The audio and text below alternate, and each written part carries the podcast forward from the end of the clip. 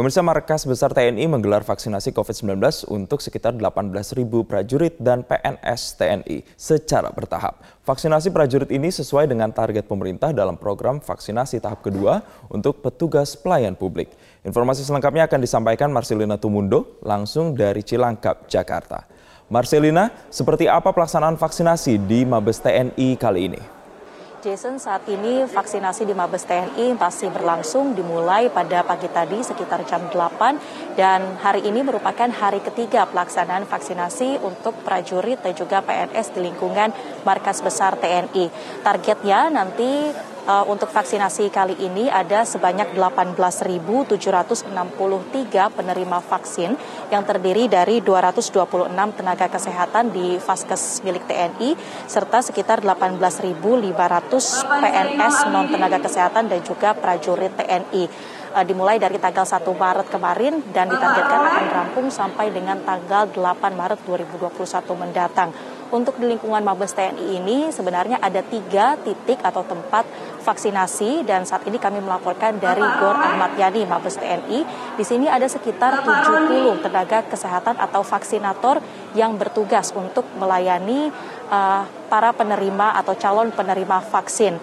Dan untuk 70 tenaga kesehatan atau vaksinator yang bertugas, ini mayoritas mereka adalah anggota TNI atau dari Vaskes TNI. Ini sesuai dengan instruksi dari Panglima TNI dan juga Kapolri pada awal bulan Februari kemarin yang juga menugaskan ada sebanyak 10 ribu uh, anggota TNI Polri untuk membantu atau menjadi vaksinator, terutama untuk membantu uh, program vaksinasi di tahapan kedua. Dan untuk pelaksanaan vaksinasi kali ini, tahapan atau alurnya kurang lebih sama dengan vaksinasi pada umumnya. Ada empat tahapan yang harus dilalui. Yang pertama adalah pendaftaran, kemudian tahapan kedua yaitu screening terdiri dari anamnesis atau pengajuan sejumlah pertanyaan seputar kondisi kesehatan, eh, pengukuran suhu tubuh, tekanan darah, dan juga saturasi oksigen. Dilanjutkan dengan tahapan ketiga yaitu penyuntikan vaksin COVID-19 dosis pertama. Dan yang terakhir adalah observasi selama 30 menit untuk melihat apakah terjadi KIPI atau uh, kondisi kejadian ikutan pasca imunisasi.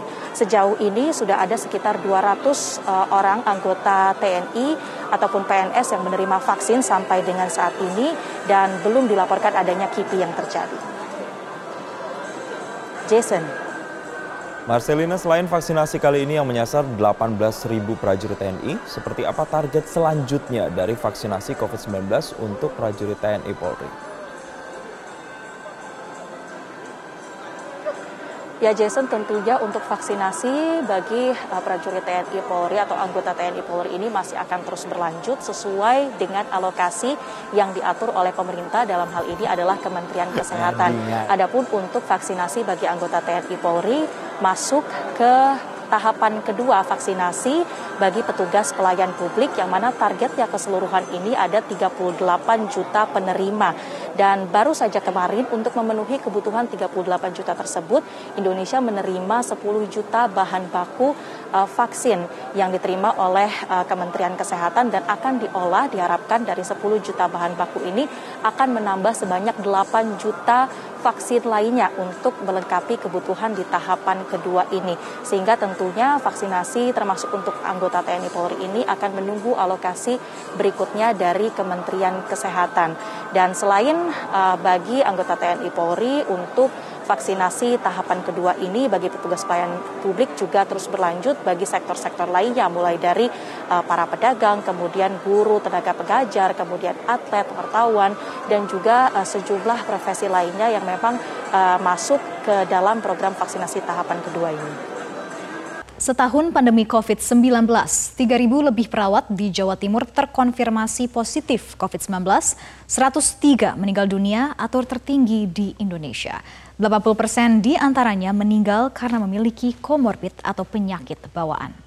Ketua DPW Persatuan Perawat Nasional Indonesia atau PPNI Jawa Timur, Nur Salam mengakui pihaknya terus berupaya melakukan tracing bagi perawat yang meninggal di rumah sakit rujukan maupun puskesmas tempat mereka bertugas untuk memudahkan memutus mata rantai penularan COVID-19.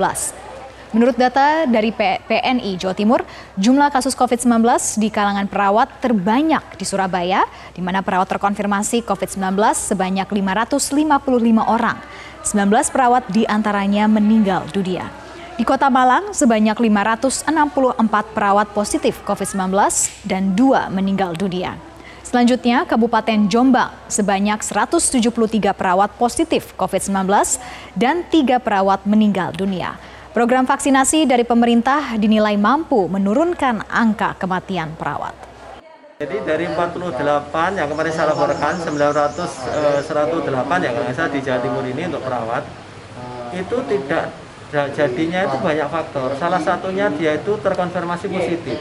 Coba kita hitung 3000 sendiri itu kan positif. Kalau positif itu berarti kan setelah tiga bulan baru mendapatkan vaksin itu. Vaksinasi bagi tenaga pengajar atau guru digelar di sejumlah kota di tanah air. Di kota Balikpapan, Kalimantan Timur, vaksinasi dilakukan terhadap 750 dari 7.000 guru di Balikpapan.